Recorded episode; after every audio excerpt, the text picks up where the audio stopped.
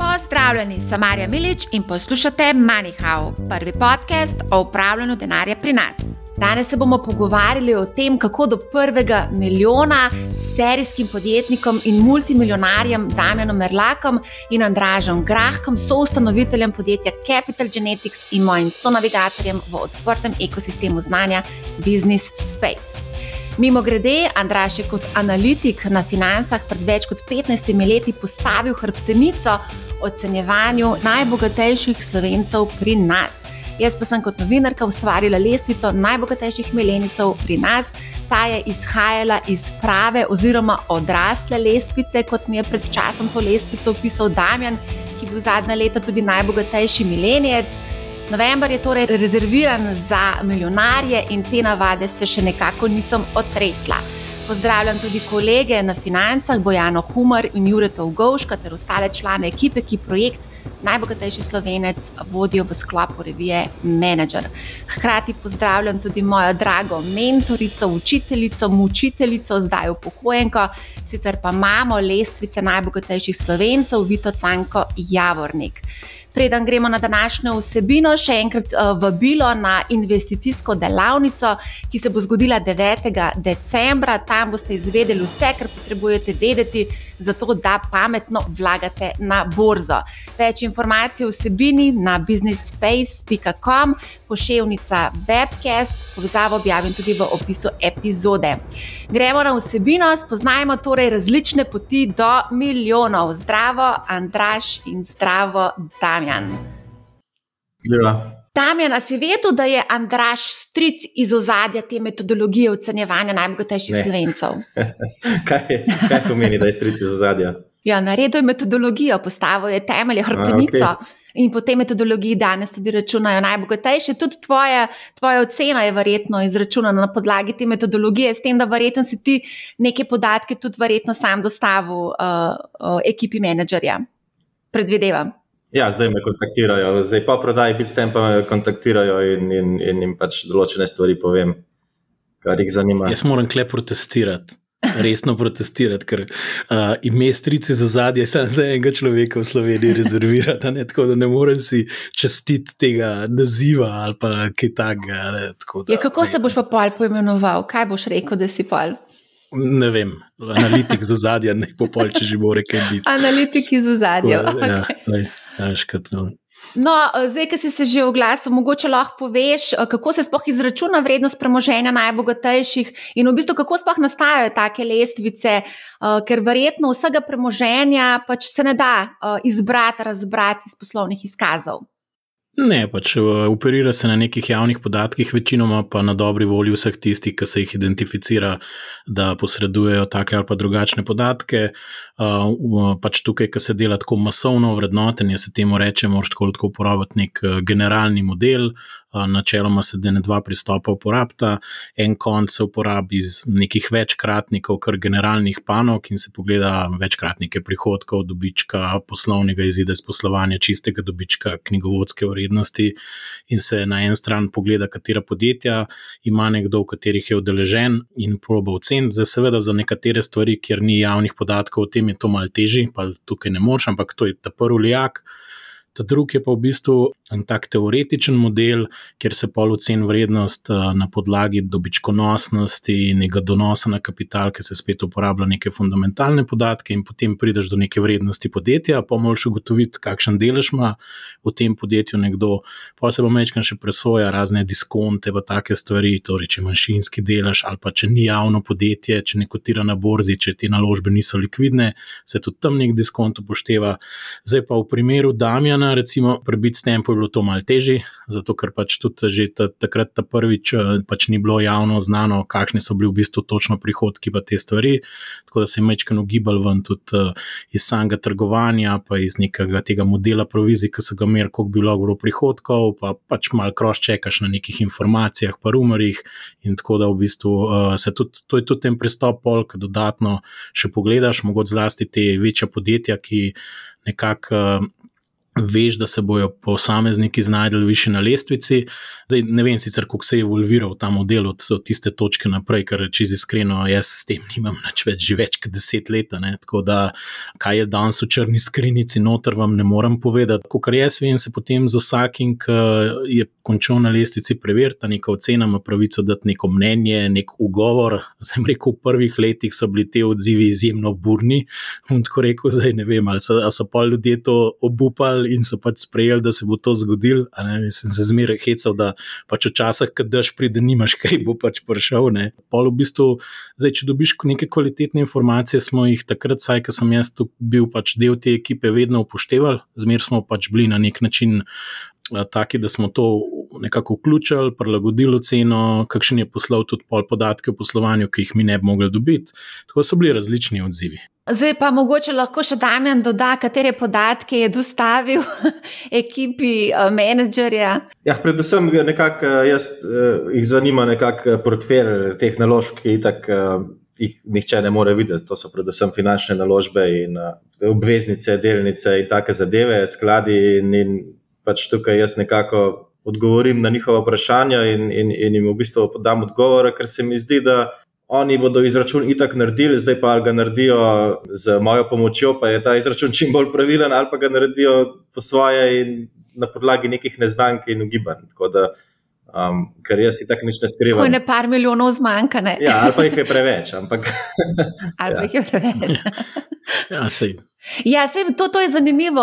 Ti v bistvu ne skrivaš, ti v bistvu si zelo odkrit in si verjetno eden redkih v bistvu ljudi na tej lestvici, ki v bistvu tako odkrito komunicira o vrednosti svojega premoženja. Zakaj to počneš? Zato, ker se mi to ne zdi v bistvu nič sramotnega in ne vem, zakaj.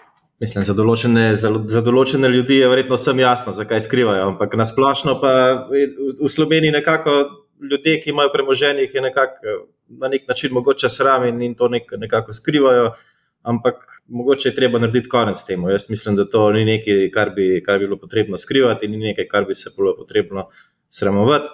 In s tem jaz mislim, da tudi motiviram marsikoga, s tem, ko jaz marsikaj povem, pa marsikaj objavim, pa moj Instagram in podobne zadeve razni mladi, ki si želijo recimo, iti po isti poti ali pa ki si želijo um, istega rezultata po neki drugi poti, um, so mogoče motivirani, da mogoče začnejo neko podjetniško pot, da mogoče začnejo z investiranjem karkoli pač uh, vidijo kot priložnost. In jaz sem prepričan, da je marsikdo zaradi, uh, zaradi mojega, mojih podatkov, pa mojega razkrivanja stvari šel na neko pot, ki jo mogoče drugače ne bi obral. Ja, to lahko tudi potrdim, ker se tudi na nas obračajo številni mladi, ki so poslušali podcast s tabo in so čisto navdušeni in si jih motiviral. Menda, da so poslušali podcast z beležko v roki in so si v bistvu zapisovali stvari. Tako da imaš zelo veliko eh, zanimivih in kakovostnih informacij za, za mlade. Tako da v bistvu smo zelo hvaležni, da si vzameš čas in deliš to z nami. Uh, lahko pa tudi jaz nekaj povem, da v bistvu kar nekim milijonarjem je povedal, da ne želi biti na lestvici, da živijo v manjšem kraju in da ne želijo, da so sedi izvejo. Pol sem zvedela tudi, da nekateri ne želijo, da žena zve, koliko dejansko vreden mož, ne? pa recimo, da ukarija. Pa nekateri so v bistvu tudi skrivali premoženje, ker jih je bilo strah raznih. Um, Pač raznih groženj in podobno. Ne? Tako da razlogov, zakaj v bistvu ne želijo biti na taki lestvici, je v bistvu več, ne, a ne, Andraš?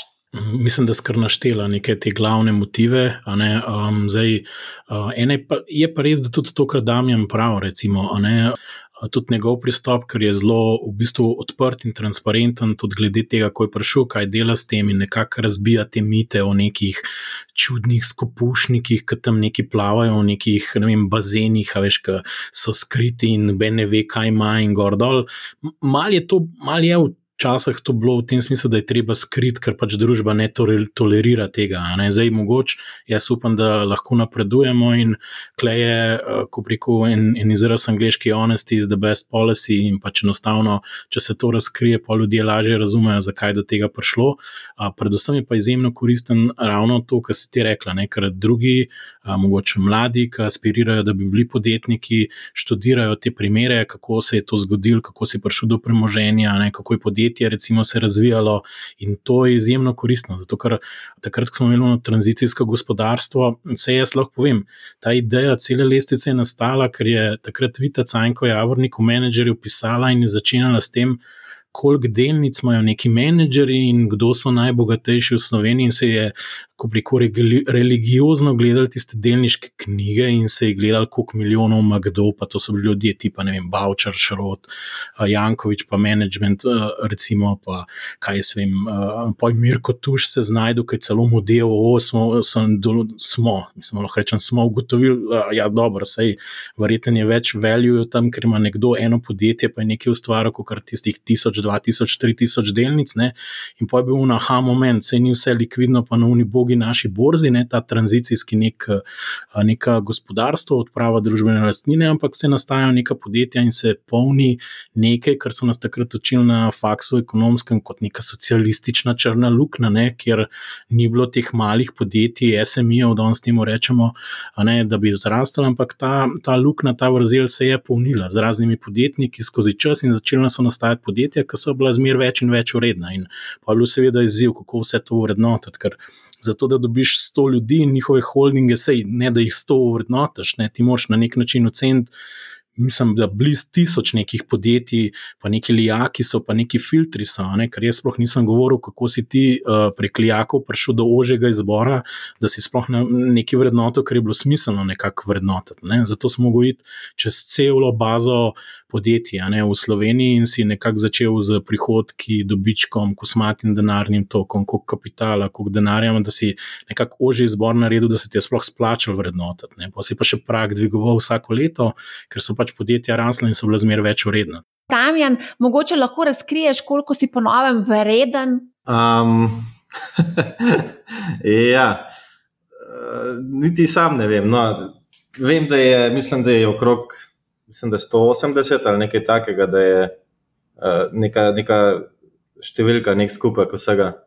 Um, A ni zanimivo, kako v bistvu, ko se pogovarjamo z najbogatejšimi, v bistvu niti spoh sami ne vedo, koliko so vredni. ja, ker to so zelo. Um, Zelo relativne stvari, koliko je neka stvar vredna, predvsem pri zasebnih deležih v podjetjih in, um, in mogoče nepremičninah, in take stvari so velika stvar interpretacije nekoga, ki to ocenjuje. In zdaj, koliko je vreden nek hotel ali koliko je vredna neka delež v podjetju Engine. Recimo. Če en bo rekel X, nekdo bo rekel X krat 2, nekdo pa X deljeno z 2. A gremo zdaj kar na to našo temo, ki sem jo napovedala. Mladi v bistvu mi dosti krat povedo in tako brez zadržkov, da želijo biti bogati. A ste videli tudi kot študenta ali pa najstnika, imela to ambicijo, da bi bila bogata oziroma da bi postala milijonarja, Damjan? Uh, ja, mislim, ja, jaz sem imel to, sem imel sem to željo. Ja. Ne bom rekel, da ne. Sicer ne, nisem razmišljal v smeri, da bi postal milijonar, ampak da bi pač bil vsaj well off, da bi bil vsaj. Recimo, um, jaz sem si nekako zadal cilj, to se spomnim, recimo v času srednje šole. Sem se jaz nekako zadal cilj, da ko, bom, ko dopolnim 30, da imam vsaj to premoženje, da mi ni treba več delati. Ne, da, da ne bi hotel delati več, ampak da imam recimo dovolj, da lahko živim od, od njega, od nekega pasivnega dohodka. In zdaj, če ne bi bilo biti s tem, pa jaz bi vse en to, mislim, da bi dosegel do 30. leta. Kako bi imel nekih naložb. Ker jaz sem, preden sem recimo, um, uspel z tempom, sem jaz delal kot eh, programer, imel recimo normalne službe prek študentskega servisa, kasneje prek SP-ja in tako. In jaz sem večino teh uh, prihodkov, ki sem jih zaslužil, sem jih dobesedno investiral. Najprej v vzajemne sklade, potem sem pa začel v posamezne delnice to investirati. In jaz bi pač verjetno to tudi nadaljeval. In če bi to nadaljeval, bi bil pri 30 na portfelju, ki je za dost velik, da pasivni dohodek, recimo, zadošča za nek, za nek dober povprečen, za neko dobro povprečno mesečno plačo. Zato, da na borzi ustvarjaš eh, milijon, moraš biti zelo, zelo discipliniran. Ja, ali pa dolgo živeti ali pa dolgo živeti. Ja. čas, je, čas je v bistvu um, najbolj pomemben. No. Nekdo, ki recimo začne investirati pri 18, ima veliko lažjo nalogo kot nekdo, ki začne pri 30 ali pa 40. Kdaj si pa ti začel investirati? Zelo zgodaj, v srednji šoli, v srednji šoli že tako. Mislim, investirati in, in se malo igrati s trgovanjem. No, to so imeli dve ločene stvari. Eno je bilo neki redno mesečni, eh, redna mesečna uplačila v, v vzajemne sklade najprej in potem kasneje na brokerski račun. Potem sem imel pa še nek ločen račun, kjer sem pa v bistvu z, z nekim kapitalom v bistvu aktivno trgoval. Zdaj smo nekaj se enkrat razlagal mladim, da si začel pri 13 letih že programirati. Ja, to je res. Ja. A takrat si začel tudi ustvarjati prve prihodke ali kako? Ne, ne takoj, pri 13 še ne, ampak uh, v srednji šoli pa že, no, takoj po tem začetku srednje šole pa že. Ker zdaj vidimo tudi te mlade, 8-9-letnike, ki že delajo, ustvarjajo milijone z raznimi kriptoprojekti. Kaj pa ti, Andraš, kako pa, kako pa si ti gledal kot študent na bogatstvo in milijone? Ne vem, jaz, mis, jaz mislim, takrat me so začeli fascinirati kapitalski trgi in v bistvu enkrat smo eno kabelsko dobili, jaz ne vem, kjer ga leta, zdaj to bilo ne spomnim se. Ajde, rečemo 2000, da bomo lažje razmišljali. Um, ne, in v bistvu se je tudi znašel nek CNBC tam in pač uh, normalno, pač vsi smo neki surfali že takrat po internetu, sem ni bila tok. Pač študiral sem ekonomijo in tisto, kar sem se tam učil, je bilo tako, ne vem, svetlobna leta stran od tega, kar se je dogajalo na ekonomski fakulteti. Ne. In jaz gledam tisti, in mi nič ni bilo jasno. In sem rekel, klej neki narobe. Um, tako da jaz moram malo mal bolj razumeti ta trg, ne? pa že takrat nisem tako hodil na faks, bolj smo musko igrali, pa vse živo počeli v življenju. Pač, ok, tisti izpiti so že nekako bili. In uh, tam se je začela ta pot s kapitalskimi trgi. Ne? In v bistvu, um, tako da ne dolgo potem, seveda je bil prvi prv job, je bil najti nek začeten denar, da ga sploh lahko uh, investiral. Takrat je bilo mečkan težje, ker so bili že v minimumi, da si lahko odprl račune in seveda z ga hotel odpreti v tujini, ker to narediti. Mislim, mene nikoli ni zanimala prav preveč Ljubljanska borza, čeprav sem pol ogromen pisal o tem, ampak dejansko dejansko sem se tudi odločil, da nočem imeti nobenih delnic, če pišem o teh podjetjih, ker bo skozi neke, neke ko reko, natolcevanje ali pa nemigovanje, da nekaj hočem pumpati na tem ubogem našem trgu. Tako da tega nisem počel, uh, sem pa pol takrat pač počasi sem imel nekaj služb kot študent, pa sem nabral nekaj tisoč takrat, eh, pač ok, dolari so bili, da jim rečem, evrov danes, da bomo lažje razmišljali. In sem odprl en račun, ki ga imam še danes na First Trade, in sem neki mečkan igračkat začel. No, uh -huh. v bistvu s tem. Pa v bistvu takrat je bila recimo ta venija prek vzajemnih skladov, je bilo tudi en način. Tako da tam se je pol začel in pa sem začel počasi tudi uh, z naložbami, in ostalo je pač, ne vem, zelo fast forward naredimo in. Uh, kaj se vem, 20 let kasneje, uh, pač in je svet popolnoma drugačen. Dostop do trga je praktično izjemno uh, pocen, prideš do dostopa do trga. Ta izraz demokratizacija financ je sicer povzročila, da imamo vsi dostop do trga, je pa res ne, da uh, se vprašaš, ali imamo tudi vsi izkušnje, da se s trgom ukvarjamo. To je, to je druga stvar. Takrat je bilo neskončno težko priti do tega, pa mislim, neskončno pač. Za enega, ki ni zdaj bil mu kakšnega očeta, da mu je dal kaj denarja, pa se lahko s tem igral, je mogel pač nekaj časa dela, da je do njega zneska prišel, da je dejansko lahko odprl. Ne? Saj tako je bilo prven. Zdaj, ko omenjaš očeta, kako so pa starši dejansko vplivali na to, da ste se začeli ukvarjati z recimo borzo, Damjan? A tvoji starši trgujejo na borzi? Ne, aktivno ne, so pa vlagali prihranke v takrat, še v času 90-ih, na Ljubljansko borzo v bistvu. Ampak to ni bilo aktivno trgovanje, pač so vložili in, in, in tam so bili kar dobri donosi no, v tistih časih. A sta se kaj posvetovala s tabo, ali si ti mogoče kaj znanja od njih v dobu? To je bilo še prej, to je bilo še, še, to je bilo še, ko jaz nisem vedel nič o tem. E, se ti stoko mlajši. Ja. To se jaz v bistvu še spomnim, ker tudi moj oče je v bistvu takrat v bistvu kupoval. Andraž, zdaj mogoče, uh, kako se pa ti, kako ste pa vi doma uh, z borzo in spoznavanjem kapitalskega trga? Ne, takrat ni imel nihče od uh, mojih staršev nobenih izkušenj s tem, ne, ker je to bilo še bolj zgodaj. Še največ, kar se je v mojem otroštvu govorilo, je to, ali imaš kakšno konvertibilno valuto, marka, ali pa kakšen, če kdo dolar je privlekel, kakšen, uh, kakšen starejši, uh, kaj pa je sem prijatelj od mojih staršev, ne, je bilo to tako, da bi mu suho zlato, ne, kva so to zdaj dolari. Ne, un dolar je bil, pa inflacija je bila visoka, pa še predtem dinari, pa neke nule smo prekrivali. Sploh nam o tem govoril ki bi lahko tri ure. A gremo na najbolj sočno stvar, kako sta vidva prišla do prvega milijona in katere so bile dragocene lekcije na poti. Daven. Ja. Sej, mislim, da je, da je verjetno skoraj vsi, ki to poslušajo, nekako vejo, kako je do tega prišlo. Ja, mislim, jaz sem z Bitstampom v bistvu prišel do prvega toliko velikega premoženja, da bi temu rekel milijon. Zdaj, kdaj točno je to bilo, mislim, da 2013, 2014, takrat je v bistvu ta zgodba zares začela ustvarjati neke, neke prihodke, ki so potem dali neko vrednost temu podjetju. kaj, kaj pa so bile lekcije. Jaz bi zdaj težko bi rekel, kaj so bile lekcije. lekcije.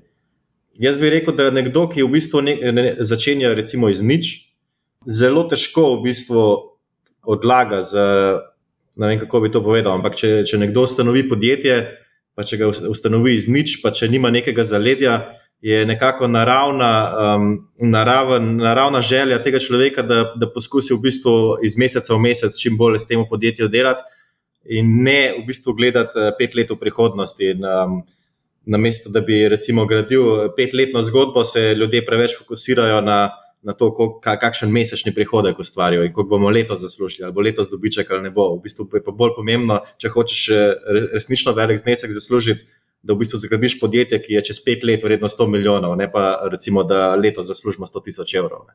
To je zelo dober na svet. Andraš, um, boš še ti povedal, kako si prišel do prvega milijona? Verjetno sem prespal tisto točko, ki je šlo čez prvi milijon, ker tudi ne vem, kdaj je bila iskreno povedano. Ampak če bi zdaj nekaj razčlenil, kako je do tega prišlo, ne, jaz pa meni je bila to kombinacija večjih nekih. Um, da jim rečem, temu se reče value streamov, torej načinov, kako se je neka vrednost nekih naložb ali pa mojega premoženja povečvala. Ne. Jaz bi rekel, da ta prva stvar, ki je bila, je bila tako. Nekaj je bilo na kapitalskih trgih, ki se je začel. En del je bil skozi nepremičnine, ki smo v bistvu tudi čist družinsko in projekt naredili, in s tem je nek uvoden kapital nastal. Potem sem pa to sem usporedno že na KD-ju delal čistko. Pa sem na eni točki ugotovil, da imam dovolj kapitala in sem naredil prvo finančno naložbo. In sicer še danes sem lastnik eh, manjšinske nefaktoring firme. Takrat in v bistvu ta naložba, bi jaz danes rekel, je nekaj kratnik tega vložka, uh, gre zelo dobro, firmi je ime Interfinance, Full Disclosure, se to vse v IPS-u pa vidite, se ukvarja čist z bridgingom, odkupuje v bistvu terjatve, pomaga podjetjem po obratnem kapitalu. Tako da to se je usporedno dogajalo, pa sem pa v bistvu takrat na KD-ju, ki sem že upravljal premoženje, smo šli čez eno res zelo burno obdobje. In uh, jaz sem prišel tam 2005, kar je bilo praktično vem, let pa pol pred veliko finančno krizo, in sem upravljal sklad, ki se je fokusiral na Severno Ameriko. Um, in zelo veliko smo se takrat s finančnimi inštitucijami ukvarjali, pa jih analizirali. No, v glavnem, če malo hitro to previjem naprej.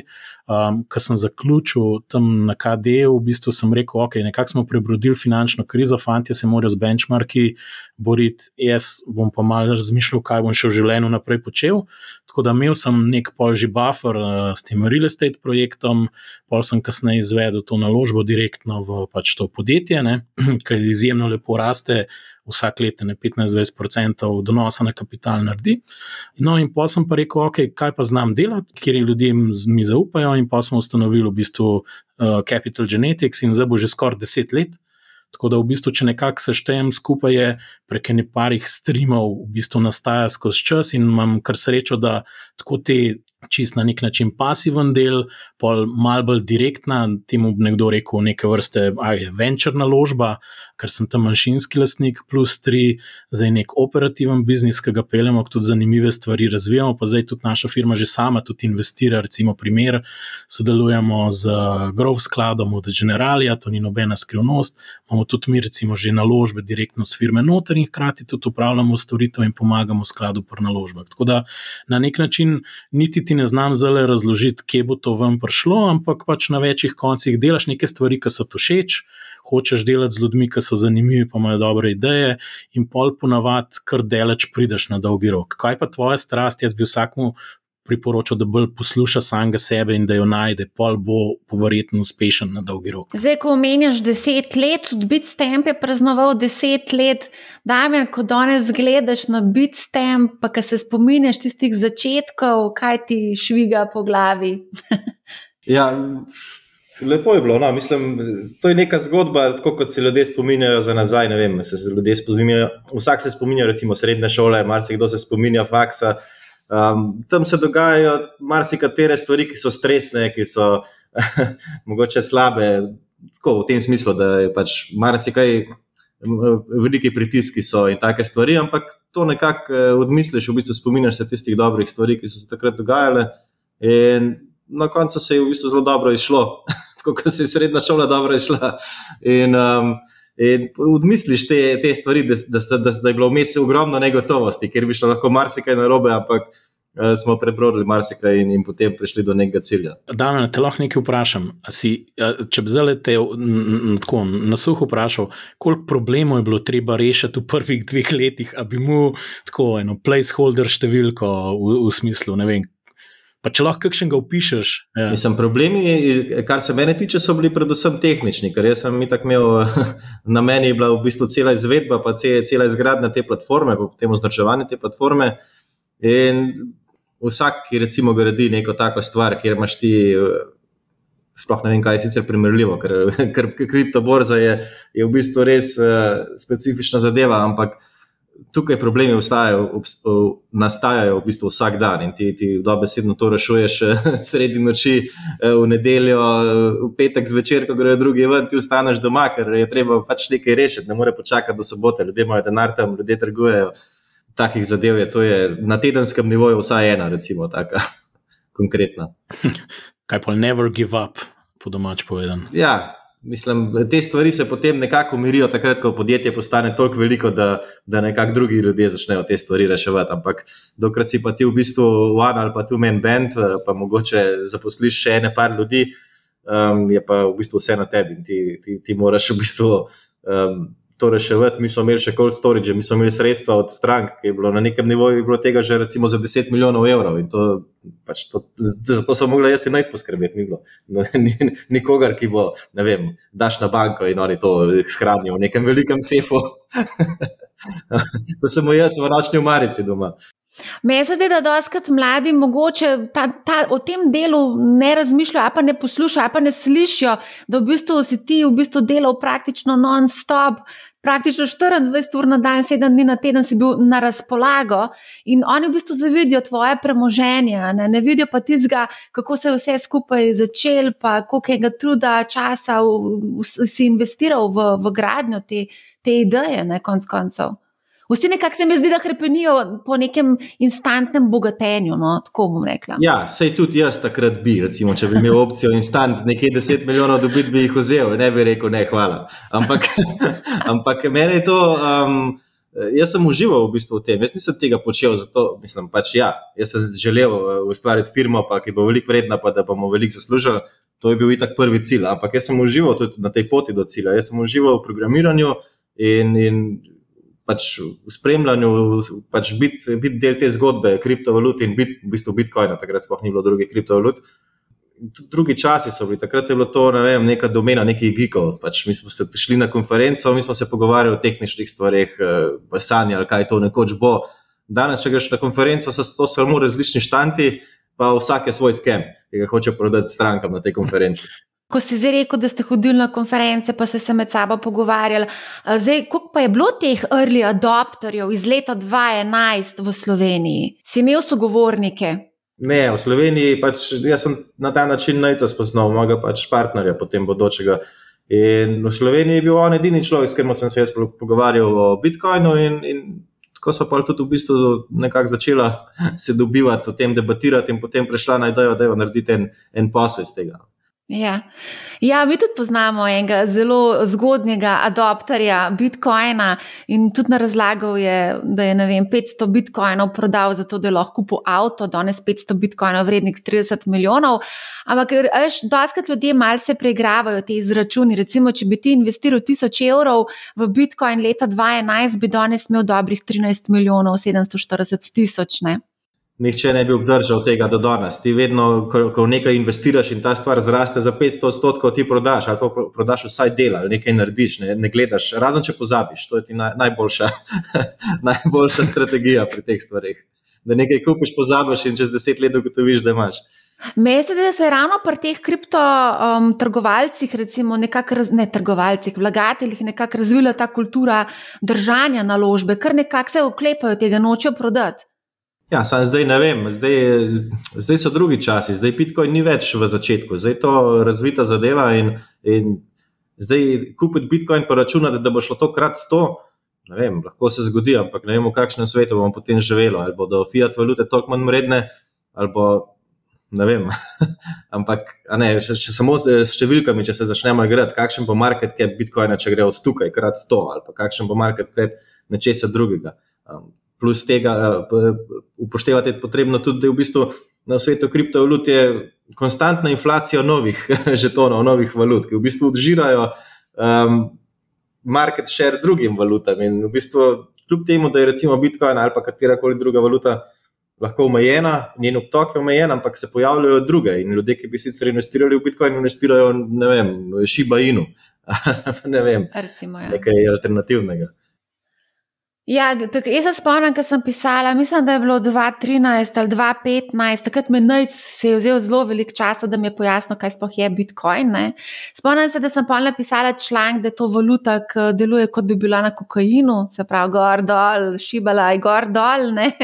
Um, tako da, ne vem, zdi se mi, da v tistem trenutku, ko smo mi kot novinari uh, pisali o kriptovalutah oziroma Bitcoinu, je bilo tako surreal, ni bilo tako, sploh nisi mogel verjeti, da je to res res. Ne?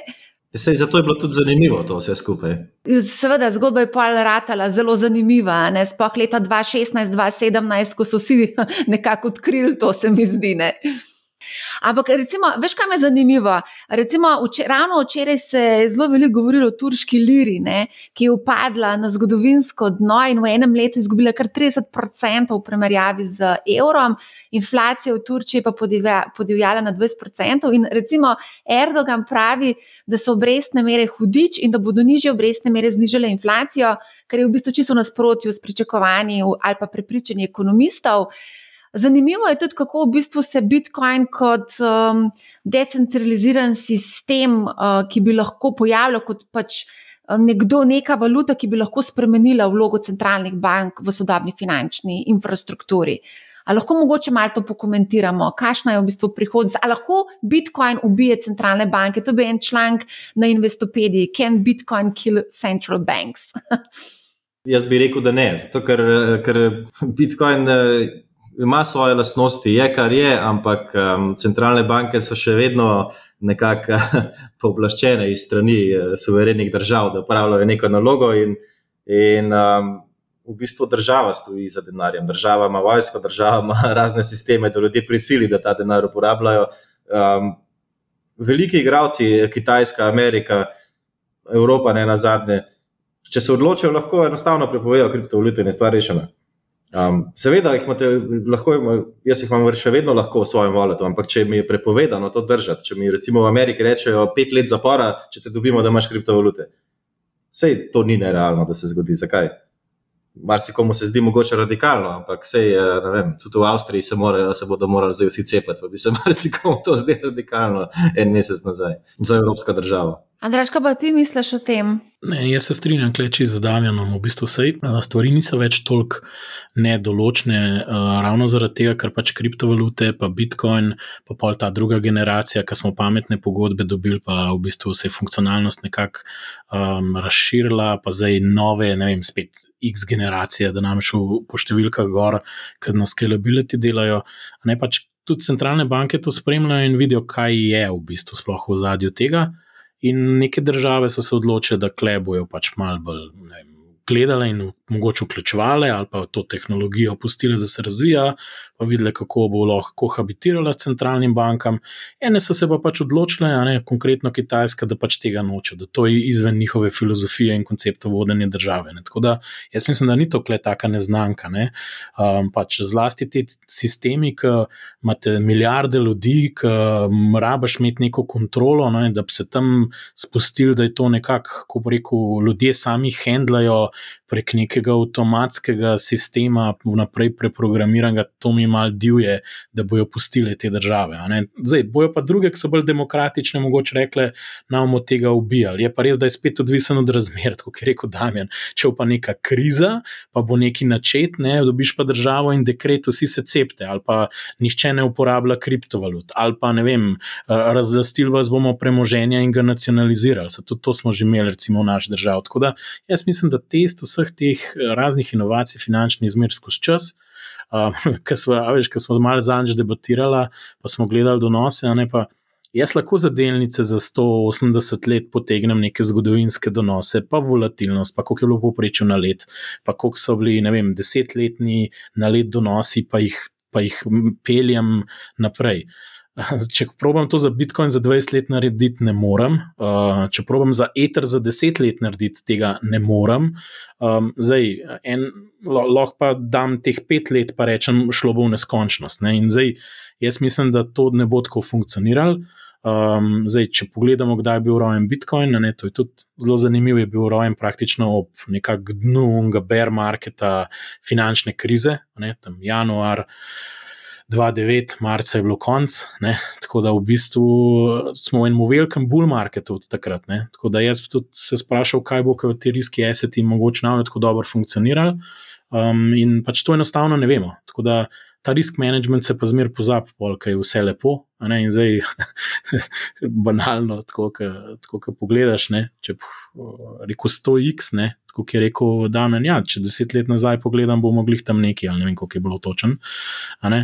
Je pa res, da poprečen donos, pol ga nazaj gledaš za Bitcoin, smeš gledati, pa rečeš, ga nadaš na letno osnovo, priješ tam do ene, ne vem, mislim, da je 170% ali neke take številke. Po na drugi strani, ki gledaš pa te zahtevane donose za venture capital, za samoroge, so v zgodnjih fazah tudi blizu 100%. Tako da lahko rečeš, da mogoče to je ena ideja, bila, ki mnogi niso verjeli in se je full dobro išla. Pa zdaj, če dodaš še malo hajpa, zelo zadnje cajte, zadnje dve leti, tri pa še overšutala. Zdaj pa, a bo v prihodnosti, ne vem, to 50 na let, 40, 30 ali bo to Bitcoin ali pa tako, kot je danes rekel, nove omrežja, ki prihajajo ven. To je pa, pa že vidim, malo konkurence se zelo dogaja, ne pa kako bomo zdaj tole zapeljali. Ne. Tako da je že svet ni več tako simpel. Se mi zdi, da smo v unmu zagonu, vse se zdi, da to kle se da super še zaslužiti, ampak kaj pa veš, ne? ene par stvari se malo napačno obrne, pa bo volatilnost prišla, pa ne uči več tako jasno. Tako da bomo videli no? naslednjih deset let, kaj bo. Kako pa zdaj vidite ta razvoj kriptopodjetništva, sploh v luči dogajanja okrog uh, Metaverse? Uh, tukaj tudi NFT je dobil velik zagon, DeFi projekti so tudi v poletu dobesedno.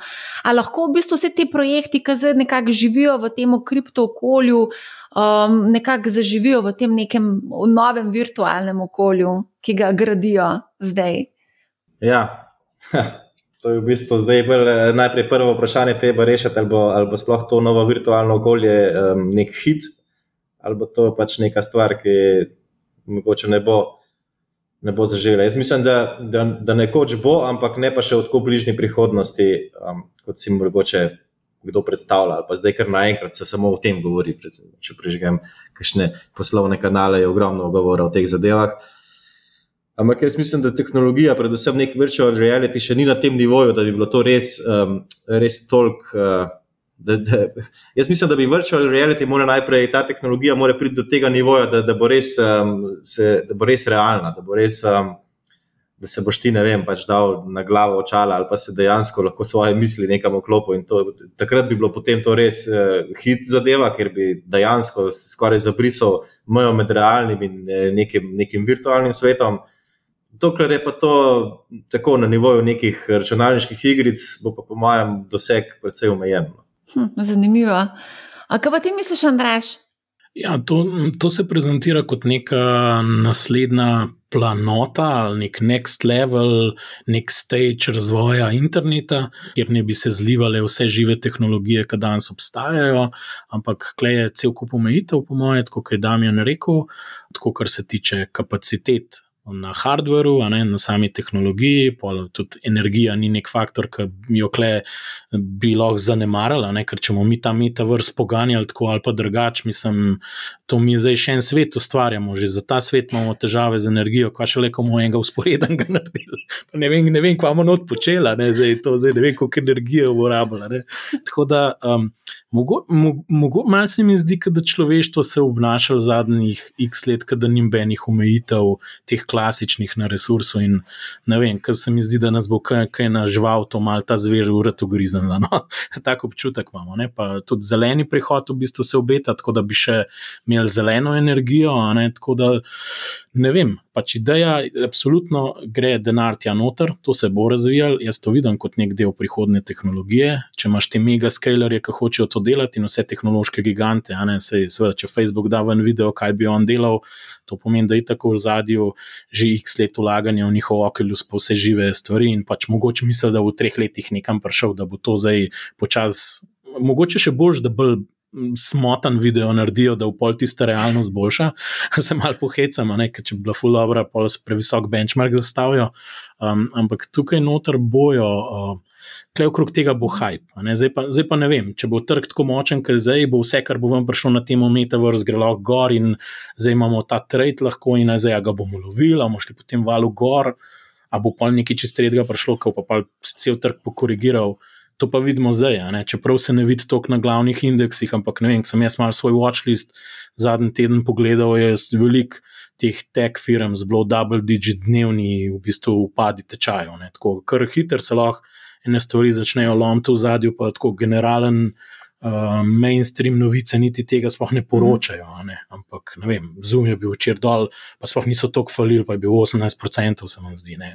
Taki odzivi so, mislim, z nič volatilnosti, pa rasti puf v enem dnevu, za nek schizofren odziv, to je pa zdaj čist drugačne. Tako da to mi je zanimivo, v bistvu, mogoče uh, je to malo za spremljati. Tako da, um, če nekaj tako aktivnega delaš, moraš to poznati. No? Se mi zdi, moraš, moraš si en, en, en, eno predstavo. Uh, narediti. Je pa težko, ker moraš 5-10 let naprej razmišljati, kot je Damien rekel, zdaj, ko pa to zadev, no, skreno. Če lahko sam dodam, jaz, mogoče glede na to, da je Facebook res uh, že, že kar nekaj let zelo aktiven, uh, um, prevzemal so podjetja, in, ki razvijajo v bistvu te virtual reality in razne očala in te zadeve. Verjetno imajo nek plan, da se bo to v, mogoče v naslednjih petih letih razvilo do te mere, da je že zdaj smiselno začeti graditi um, na tej celotni zgodbi, ker bo potem mogoče stvar eh, dovolj tehnično dovršena, da bo, da bo smiselna in da bo mogoče potem postala popularna. In, tako da, tako kot sem rekel, verjetno nekih pet let ali pa nekaj deset let v prihodnosti bo, bo mogoče to nek hit, ampak na, tako, v naslednjem letu pa se ne bo zgodilo nič, mm. nič pretresljivega. Mo, mo, mogoče samo ena misel, ki je zelo mišiljna skozi glavo. Si recimo, če gledamo danes, kje smo, pa kaj se je vse razvilo v cloudu, noter, pa kakšne aplikacije so. Ne? Zdaj, seveda, če si gledal Teslo, takrat, ki je bilo konc bear marketa, ne vem, 10, 11, 12, ne? če gledaš zdaj, kakšen je bil potencial za to, kar se je dal razviti, pa valuacije, s katerih si štartal, dejstvo je, da danes vsako izhodišče, ki ga imaš, so valuacije že zdaj naštelane, fulna prihodnost. Če pa zdaj še metaverse da zgor, moš pa še na to prihodnost unga. Unga, če češ na vrhu. Ki bo noter, ja, ki bo, bo med petimi zmagovalci. Ne? Tako da je kar, kakle so ogromne cifre denarja v zadju. Vse v kakšni tam mali, pa še mogoče kaj, kaj namajno, kakšno super delnico, ki v neki glih imela un delček, ki ga je rabil, ne pa v kakšen prevzem. Ampak je izhodišče imalo bolj, bolj, bolj balancing act iz tega izhodišča za delo. Mogoče, mogoče je danes, ko živimo v tem v enem balonu vsega, kriptodelnice, vse nek, nepremičnine. Mogoče je ta svet, ta realen svet postal že preveč dolgočasen za vse. Vsem se zdi, da je preveč lahko zaslužiti, preveč lahko je tako zaživeti, treba narediti enega usporednega, ker si bomo zadali večje izzive. To je res. Ampak, ne vem, mogoče, če se obrne, če se obrne situacija, mislim, ne če se, ko se obrne situacija, mogoče izgubimo interes za, za razne mete in podobno. Bo treba spet preživeti, spet, spet bo treba zaslužiti za preživetje. Trenutno ni treba, trenutno je tako, dobiš če Amerike, če si američan in ja, greš v McDonald's. Hočeš reči, če bo rea, realen svet tako slab, rato je pol, moramo v petih letih metaverse nahekati, da smo lahko potopili v tem pozadju. Pa žal, ne ja. probleme. Ja. Čeprav zdaj tudi razmišljajo, zelo intenzivno tudi delajo na tem, da bi odleteli malo na Luno, pa na Mars, tako da imamo še druge planete, ne samo ta virtualni. Ne. Mogoče tja serverje lahko postavimo, da ne bomo onesnaževali zemlje. Wow. v bistvu Bezos pa Mask hočeta sam pobegati zemlje, ker smo vsi stepli. To je pa to. Veš, pa pa mal, zdaj, to so testni, prototipni poleti. Zdaj. Ne bo to ušla, drugim pa metaverse, porinili za pa vi plačujte. Ej, ampak, okay, gremo zdaj uh, pogledati, sem še panoge prihodnosti. Daj mi, ti investiraš. iščeš investicije v različna podjetja, si že nekaj, kar investiral denar, nekaj denarja. Eh, katere panoge ti vidiš kot potencialno zanimive, poleg pač metaversa čez 10 ali pa 15 let? Ja, trenutno zelena energija je sigurno zanimiva. Veliko se dela na tem in uh, ogromno se vlaga. Tako da tudi sam sem precej, precej zainvestiran v to um, skozi en gen. In to mi je v bistvu nekako zelo velik del mojega portfelja, no, če bi gledal kot celoto. Zdaj je uh, ostalo. Trenutno je, trenutno je zelo napihnjeno, kot sem pred kratkim rekel, balon vsega. Jaz ne vem, pač, če gledam te evaluacije. Dolgočasna podjetja imajo PE30 kazalnike, mislim, taka, ki, ne, ki ne ustvarjajo nobene konkretne rasti, ki samo delajo nek tradicionalen posel. In, um, ne vem, zelo težko je karkoli sploh iskati. Jaz v bistvu bolj kratkoročno trgujem trenutno in še to zelo previdno. Nekako tudi probujem čim zmanjševati te svoje pozicije, ki imam. Da, vem, res imam nek tak občutek, da, da slejko prej se bo nekaj zlomili in bo nekaj počlo. Jaz. Ampak ne vem, mogoče pa ne bo, ampak jaz imam nekako tak občutek. Se pravi, zdaj trenutno si bolj previden.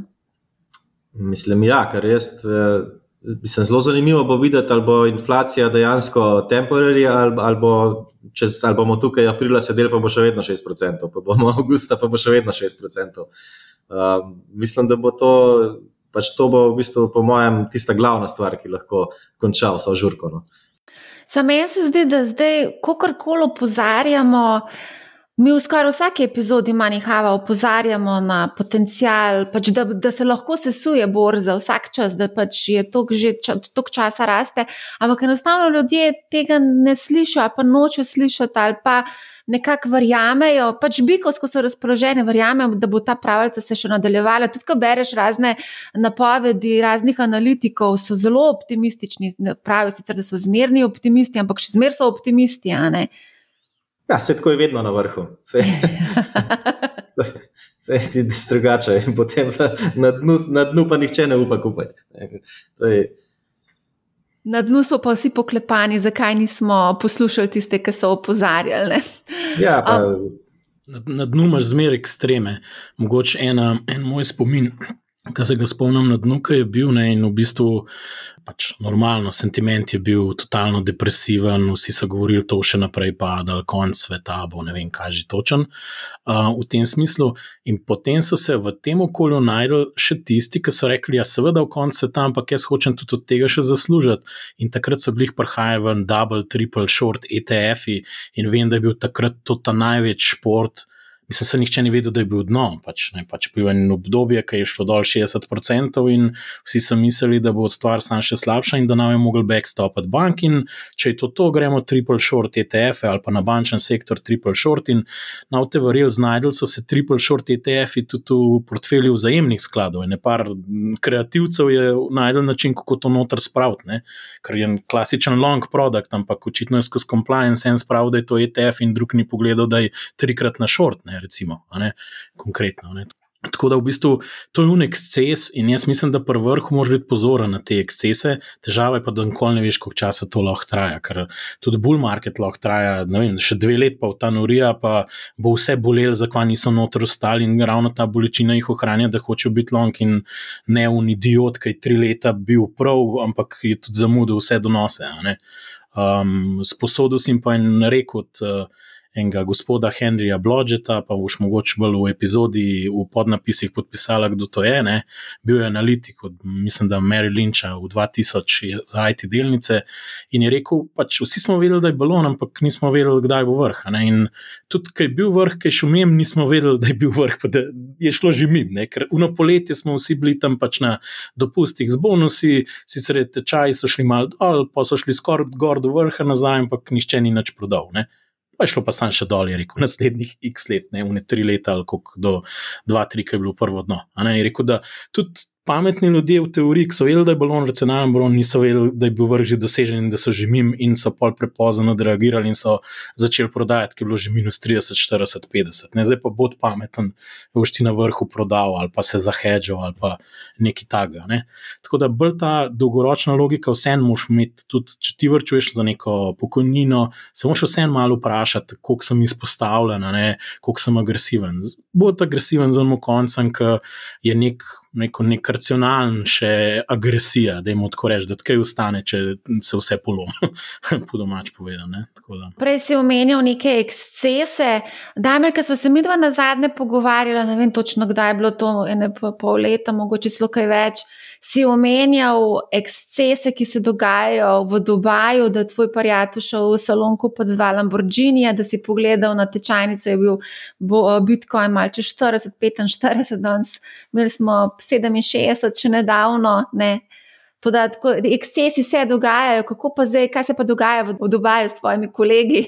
ja, zdaj zdaj sam še slabše. V bistvu. In to je točno to, kar je Andraš rekel. V bistvu vsi vemo, da je balon, vsi vemo, da, da je vse napihnjeno, ampak mogoče traja še tri leta, jaz ne vem. Um, zato jaz previdno trgujem, res z malimi koraki, kratkoročnimi tradi. V bistvu, če jutri balon poči, bom pač naredil nekaj procentov minusa, ampak to je to. Ampak ja, jaz sem bil recimo zdaj še hujši primer kot tista dva avtomobila. Um, jaz pač občasno grem malo do teh developerjev, ki v bistvu delajo kakšne nove stavbe, gradijo in potem jih vnaprej prodajajo. In jaz pač delam za interesiranega kupca, da malo potipam trg, da vidim, kaj se dogaja in grem tja, malo me pogostijo, da kaj za pit pojest. In, in uh, na zadnje sem šel, tukaj načrtujejo na Palmi neko novo luksuzno stavbo, kjer bodo v bistvu bo samo penthousi, samo eno stanovanje na nastropju. In potem oni meni to prezentirajo z, um, pač na projektorju in vse. In jaz na koncu rečem, in cene so tako, šest, še, okrog 60 milijonov dirhamov, kar pride, ne vem, slabih 20 milijonov dolarjev, se mi zdi, če preračunamo um, za te stanovanja. In potem na koncu jaz rečem, ok, pa lahko jaz dobim. Um, Kakšen prospekt za domov, pa ne vem, te plane, se pravi, načrte, kako razporeditev prostorov in uh, um, payment plan, recimo, ker ti začneš plačevati naprej in plačuješ eh, mesečno, oziroma letno, in štiri leta pred gradnjo že začneš plačevati, in potem plačuješ še kasneje. In potem oni rečejo, meni, ne, ne, ne, to je skrivnost. Kako? Ja, ne, vi se morate zdaj odločiti, eh, plačate 100 tisoč evrov, da stanovanje rezervirate, in to je to, mi ne moramo nobenih dokumentov dati za domov. In, wow. Ampak oni so že 30 odstotkov stanovanj prodali na, na tak način. In, in če, če, vem, če to ni norost, jaz ne vem, niti, niti, doko, niti načrtov ti ne dajo za domov. Tam jih vidiš, oni ti tam prezentirajo, ampak domov ne moreš odnesti nič, da bi razmislil, da bi si pogledal, da bi prespal. V Ljubljani saj načrte dobiš, čeprav zakupeš, veš, da se pa. Ja, tako da jaz ne vem, kaj je naslednja stopnja. Pač, ker, ker ta norost se samo stopnjuje, samo huje. Ja, res je. No, se bomo nepremičnin še dotaknili, ampak preden gremo na nepremičnine, uh, brala sem, da načrtujete IPO z en genom. Ali to drži in kje bo ta IPO se zgodil? Ne, ne, načrtujemo ga ne, je pa to neka, neka ideja, neka želja v glavi, no, da bi v bistvu šli v to smer. Je pa vprašanje, zdaj pravi čas ali ne pravi čas. Trenutno bi bil pravi čas, zato ker so evaluacije visoke in bi bilo tudi cena delnice visoka, zdaj pa če se trg obrne, bo pa mogoče treba malo počakati. Ampak um, taka stvar se ne da narediti na hitro. In če začneš danes, bo to čez pol leta, eno leto, in, in takrat bo lahko situacija že bistveno drugačna. Je pa zdaj, mislim, podjetje res dobro posluje, nekako se razvija in imamo tudi uh, opcije za zelo dobro rast, za, za še dodatne hranilnike, tudi v tujini. In um, nekako jaz osebno sem nekako zadovoljen s tem, da obdržim ta svoj delež še, še za nekaj časa, čisto privatni lasti. In um, tudi ni želje, da bi v bistvu nekako se dezinvestirali na borzi no, pri, pri trenutnih potencijalih in nekako um, načrtih za prihodnost. Mogoče še malo prezgodaj. Kako aktivno pa sodeluješ pri vem, samem poslovanju tega podjetja, kako si involviran v. Popolnoma enako kot pri vseh mojih v bistvu, naložbah v privat zadeve. In to je, da je tam eh, direktor in jaz komuniciram z direktorjem, in mi dva se pogovarjamo o stvarih, mi nekako poročamo, obvešča, kaj se dogaja, v kakšnih stvarih se pogovoriva, ampak direktnega vpliva, to se pa jaz ne vtikam. Niti, niti se ne vtikam v, v hotele, niti v Engen. vsak direktor ima nalogo, da, da vsako od teh podjetij pelje po svojih najboljših močeh in s čim boljšimi rezultati. Tako da jaz tudi nimam vpliva na to, kakšne plače ima nekdo. Recimo. V neki branži, kot je Engin, so plače zagotovo boljše kot v branži, kot je recimo hotelirstvo. Ne. Tako da um, ne fair bi bilo, no, če bi se jaz vtikal v posel nekega direktorja in bi mu tam govoril, da je temu več plače, da je nekomu manj plače, zakaj, imamo, zakaj je to predrago, zakaj je to prepoceni. In pač na tak način nekdo mor, ne more uspešno voditi podjetja. Ja, zelo lepo si to povedal. Mogoče bi te lahko kakšen politik poslušal, ki se tudi umešavajo v poslovanje določenih podjetij. No, zdaj, ko menjaš hotele, gremo zdaj se še malo dotakniti teh eh, poslov oziroma nepremičnin. Um, trenutne cene v Ljubljani so res na rekordih, rabljena stanovanja se prodajajo po 3300 evrov na kvadratni meter. Cene bodo še rasle, nekateri napovedujejo. Preverila sem tudi, koliko imamo uh, milijonarjev, uh, katerih vrednost nepremičnin znaša milijon evrov. Tisoč je takih, skoraj tisoč uh, slovencev, katerih vrednost nepremičnin je milijon evrov. Kako vidva gledata na to vrstne naložbe, nepremičnine?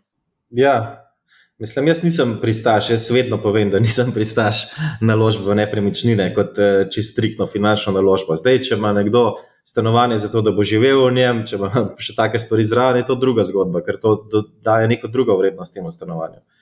Ampak eh, cene, recimo v Sloveniji, recimo 3,5, jaz sem slišal bistveno više cene. Za, to so verjetno povprečne, ampak za kakšne lepe stvari, za mogoče malo nadstandardne stvari, so cene še bistveno više. In jaz recimo lahko povem, da tukaj v Dubaju, ker imam spremljen trg, je recimo cena 4-5 tisoč evrov kvadrat za, za dobro lokacijo.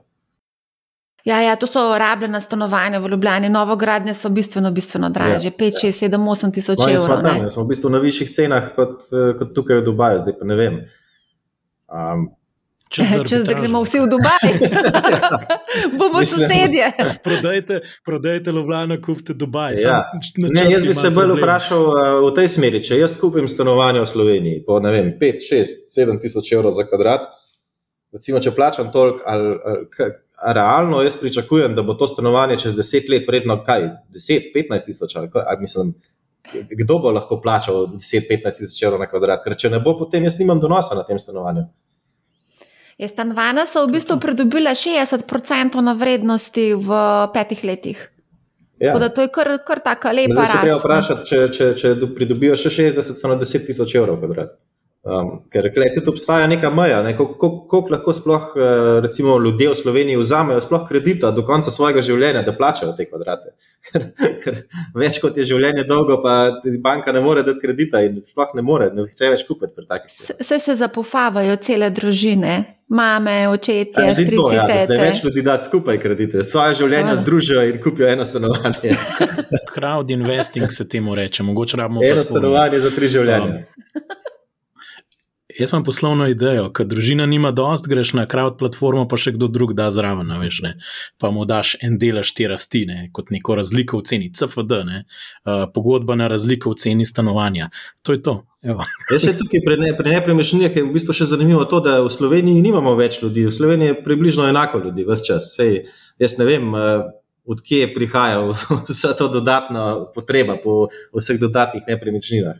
Ker um, Te nepremičnine se načeloma reciklirajo, nekateri ljudje umirajo, nekateri se rojevajo. In, in ne vem.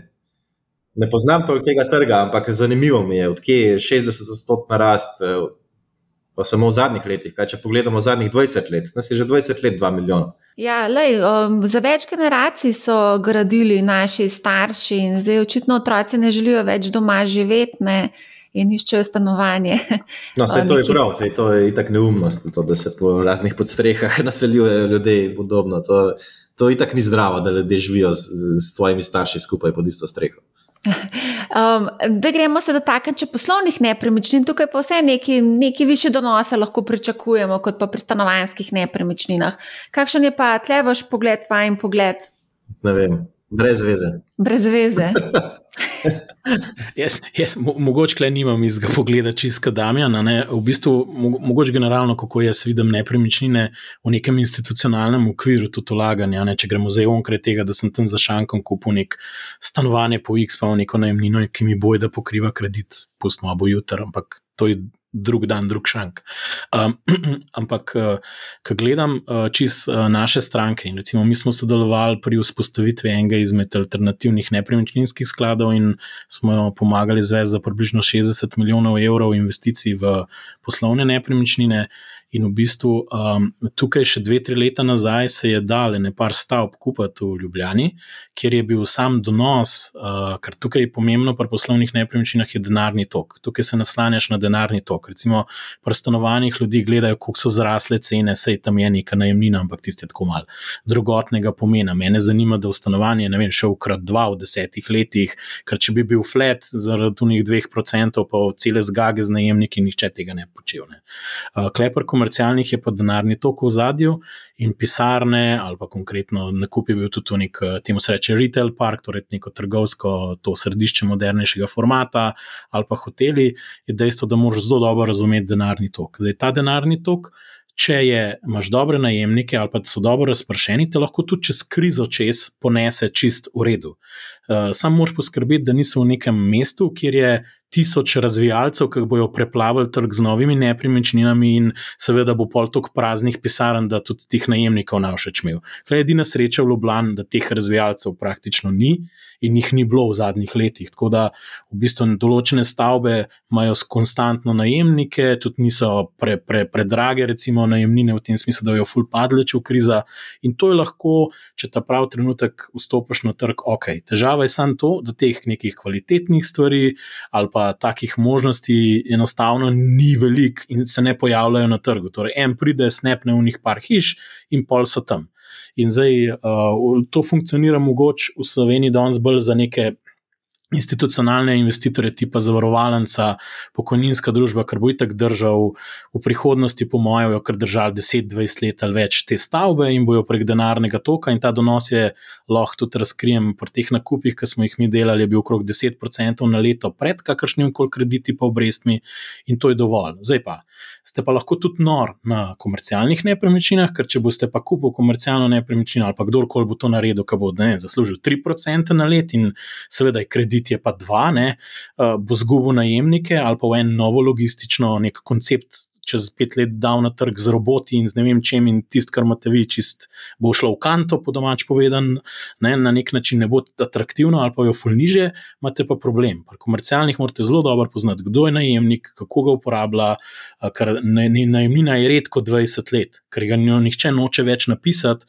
zaradi novih računovodskih standardov. Tudi. Tako da zmer vrtite to najemnino in se morate s tem ukvarjati. Tako da je aktivna naložba, ampak če je bil relativno dobra lokacija, dober nakup, razpršeni in so najemniki zadovoljni, je lahko čisto v redu naložba. Ne boste, ne, ne boste tukaj šlo tako kot delnice gor, uh, je pa res, da se lahko dvomestne donose na dolgi rok uh, dela. In mo mogoče na moja izkušnja skozi finančno krizo je bila, ki je udaril in so razne delnice, ki niso bile tako močne, podjetja na denarnem toku, se je mal premikal denar proti tem income producing uh, uh, assetom. Ne? To pomeni, uh, a, ali so bile to polkar naenkrat konzervativna podjetja, ki so dividende vam pluvale, ne?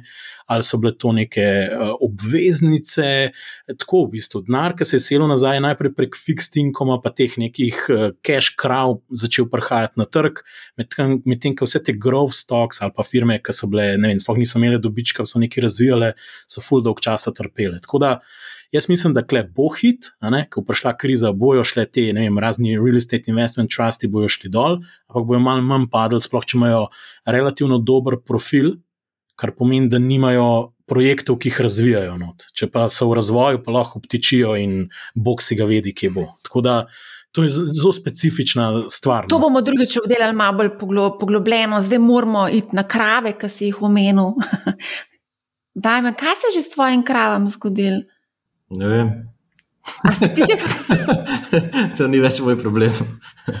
ti, si, ti si to že prodal? Ne, pač, jaz sem to prodal ja, pred leti. In, vem, tisto podjetje posluje naprej, se razvija, kolikor se le da. Um, Koliko sem obveščen?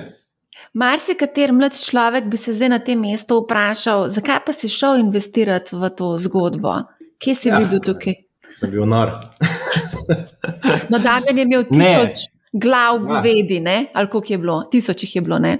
Tisoč, mislim, da 300, 1300. 1300 se pravi, čujem, ali mi je 300 ušlo iz glave. Težko se je prešteti, verjetno jih je bilo v resnici manj. v bilanci jih je bilo 1300, tako bom rekel. um, Ja, mislim, pač to je bila takrat ena. Ja, nekdo, je, nekdo je imel idejo, nekdo je imel idejo, kaj bi s tem naredil, kako bi v bistvu to razvil v neko bolj moderno um, neko farmo, ampak eh, so bili potem v bistvu tukaj v, ozadju v bistvu bolj zli nameni, nekako eh, se okoristiti ja. in, in izčrpati podjetje. Tako da smo potem tudi podali kazanska vadba, ampak se v bistvu nič ne zgodi v Sloveniji. Tako da. Večkrat mene pokličajo na kakšno zaslišanje, kot uh, ljudi, ki so mene v bistvu uropali. ja.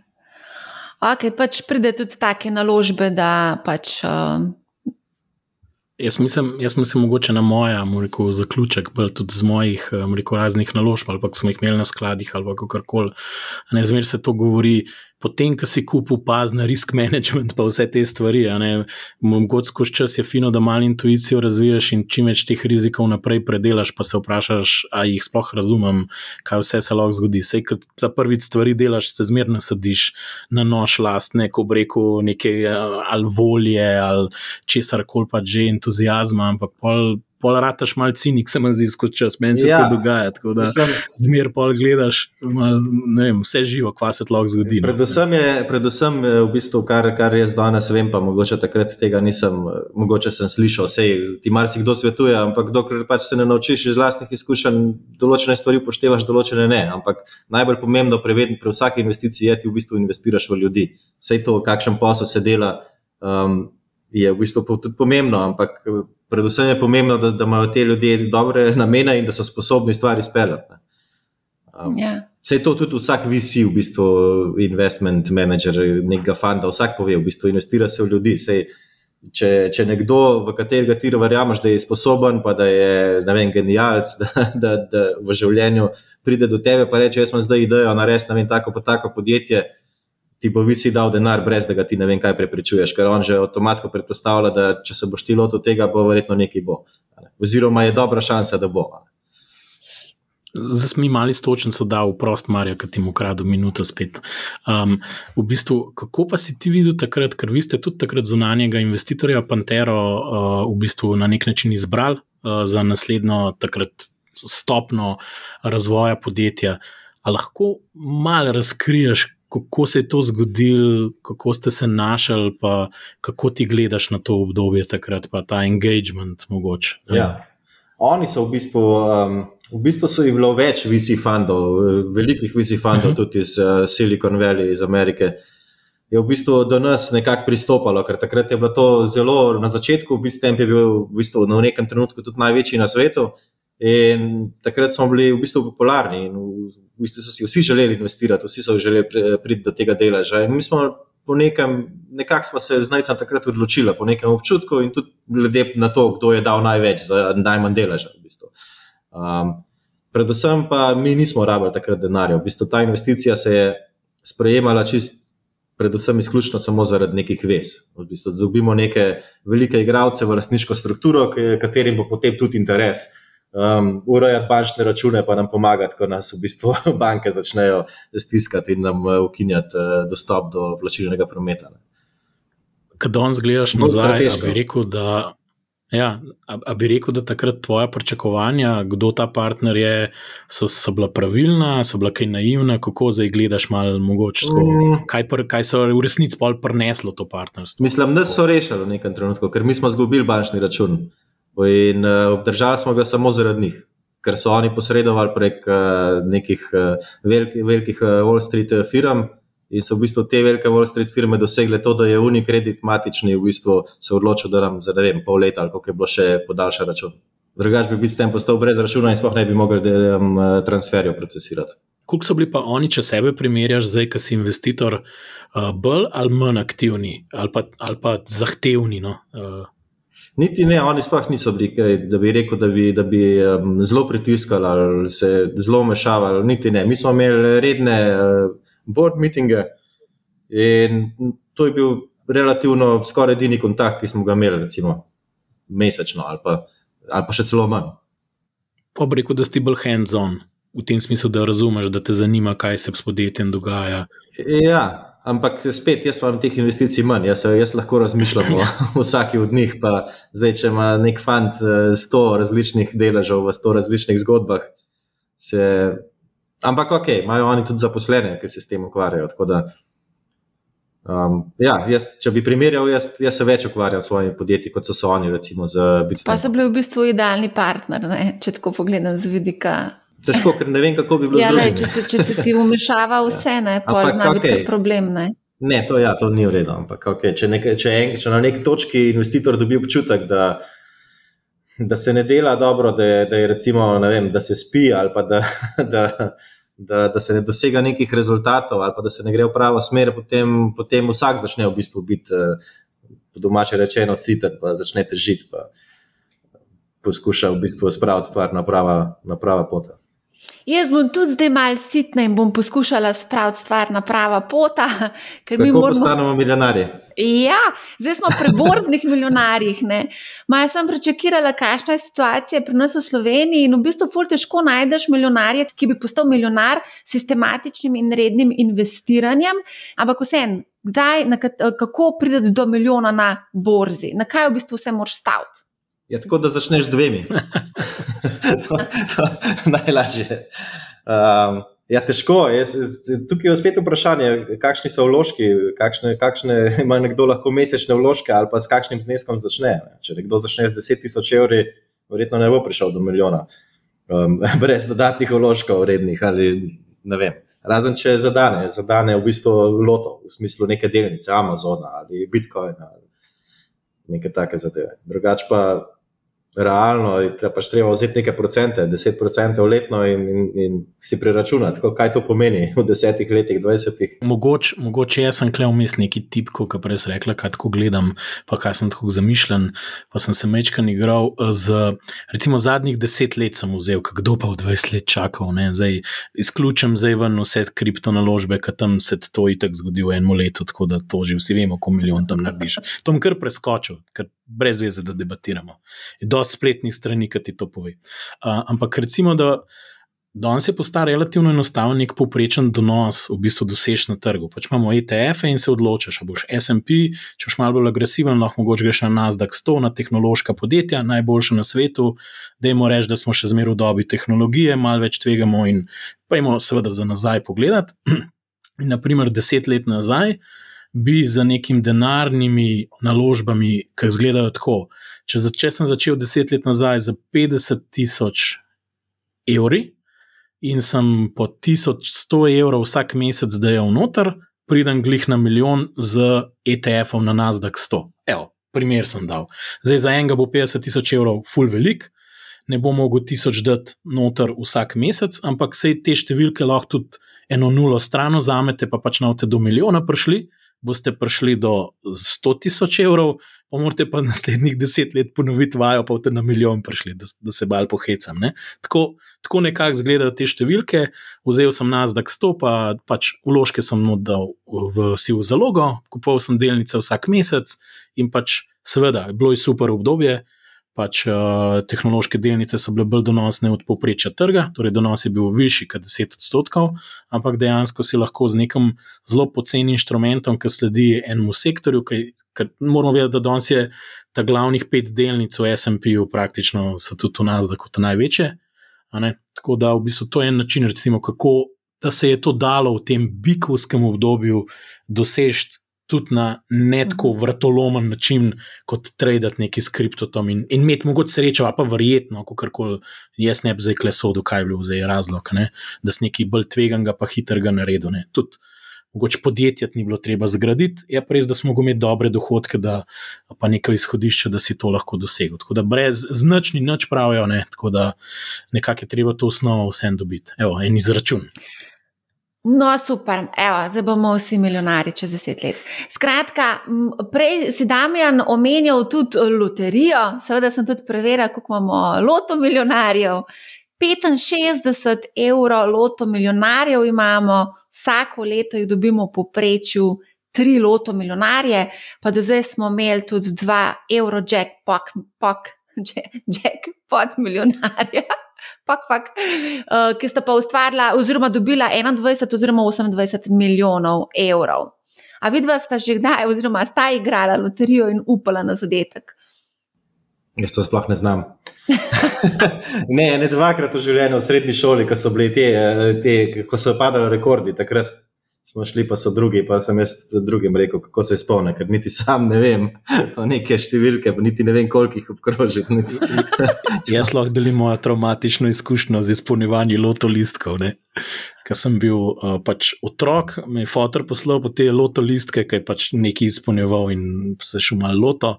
In seveda, nikoli ni mu domišljije, kje številke bi on obkrožil, in potem je mene in sestro skozi gnavo, da mu številke govoriva, ker sam ni mu več domišljije. Ne. Tako da to, jaz sem bil dobesedno posiljen z loto listki, ne, da se mal pohecam. Uh, ja, najbolj, ampak najboljše obkrožiti številke ki jih ljudje ponovadi ne obkrožijo, recimo nič in take zadeve, to nihče ne obkroži, ker vsak reče, pa, kdaj bo nič, ja. bo nič. A sploh je nič, ali pa ena, ne vem. ampak, ampak logika je v tem, da, da če zadaneš, imaš najmanj šanse, da si boš dobitek delil z ja. drugimi, ker obkrožiš take številke, ki jih drugi najmanjkrat obkrožijo. Ja, tudi moj fotor je v bistvu kar precej igral uh, loto, ampak on je pa skozi na eno in isto kombinacijo stavil. Dejansko je tudi ja, zadev, zadev je. Zdaj se ne spomnim, ampak so bile kar velike, velike cifre, ampak to je bilo še v Jugoslaviji. No? Tako da je nekaj zadevno, ampak ja, Ja, lej. Uh, tudi z lotom lahko postanemo očitno uh, milijonarji. Ali še kakšen drug način, smo vse načine obdelali? Dobar, zdaj, če si kakšen. Katere pa so, sej nismo še nobenega. Ja, imamo nepremičninske borzne, imamo spodjetništvo, imamo loterijo, mogoče bi lahko še športne, se imamo tudi kar nekaj športnikov, ki so milijonarji, ne sam lej. Tle treba pa že zelo zgodaj začeti delati na tem, ne? pa malo talenta moraš imeti, pa verjetno tudi mogoče malo sreče. Ne?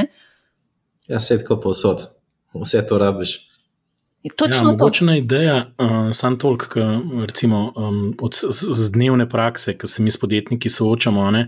Recimo, dejstvo je, da za vse tiste, ki razmišljajo, da bi se šli podjetništvo ali kakšno zagonska podjetje, danes bistveno več nekega kapitala, ki jim lahko služi, da probajo te njihove ideje. Ne vem, jaz vem, 20 let nazaj, zdaj ne vem, bo še Damien povedal, kako je takrat to izgledalo, kaj je on začenjal, ne? ampak danes je kar velik. Uh, teh inkubacijskih sredstev, pol kasneje pridejo razni angeli, pol če si takoj, ki si mal boljš, lahko si že kar na semenskem financiranju, ga tudi dobiš in dejansko kle se ogromen denarja zliva. Mogoče tudi zaradi tega, ker so te vrednote na borzah tako visoka, se v bistvu več vlaga kapitala, da se gradijo prihodna podjetja, ne? ker je pač to večja motivacija, ko še enkrat mu če ena enota prihodkov vredna vem, 20 krat pri hitro raztočem podjetju, bo seveda bolj motiviran, da gradiš to podjetje, kot če bo dvakrat uredno čez deset let. In klej vidim, da je za tiste ambiciozne mogoče tudi ena pot, je pa res, da To je seveda vse nek abstrakten denar, dokler se podjetje ne proda ali pa dokler ne izstopiš. Ne? Vidimo v zelo zgodni fazi, so včasih kakšna slovenska podjetja, se jim pripiše vrednosti hiter 2-3 milijone evrov v semenskem financiranju, pa v bistvu včasih še produkta niti nimajo. Tako da to je tudi en tak zanimiv način. Zdaj, če hočete na papirju postati milijonar, če imate kot tako sposobno ekipo v hiter firma, vredna 2-3 milijone, zdaj pustimo, da ste preživeli naslednjih 24 mesecev, ampak mogoče tudi, mislim, to je mal hec, ampak dejstvo je, da tisti, ki preživijo, se vrednost kar skozi štengice lahko hiter povečuje in tako da dobre ekipe dobijo denar. Tako da tudi mogoče dobra stvar, da drzne ideje danes v tem svetu se vseeno lahko diferencirajo in da rekel, lahko dobiš tudi denar po višjih valuacijah. Mogoče to ni tako šloh, zdaj trgu pa šel, kamor bo šel, to pa noben ne ve v resnici, če si iskreno. Ja, ne vem, zdaj, ko je Damjan pa Najcka sta um, začenjala z bitstempom.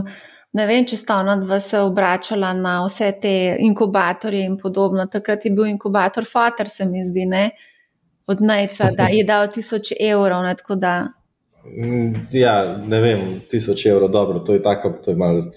zgodba. Zdaj ne vem, če je bilo prav 1000 evrov ali je bilo 900 ali je bilo 2000, kako koli. Ampak eh, to je pač neka številka, ki se jo pač eh, na podlagi, kjer se neka zgodba naredi. Ampak um, ja, danes je v bistvu poplava tega denarja res eh, vidna tudi na, na, na tem nivoju.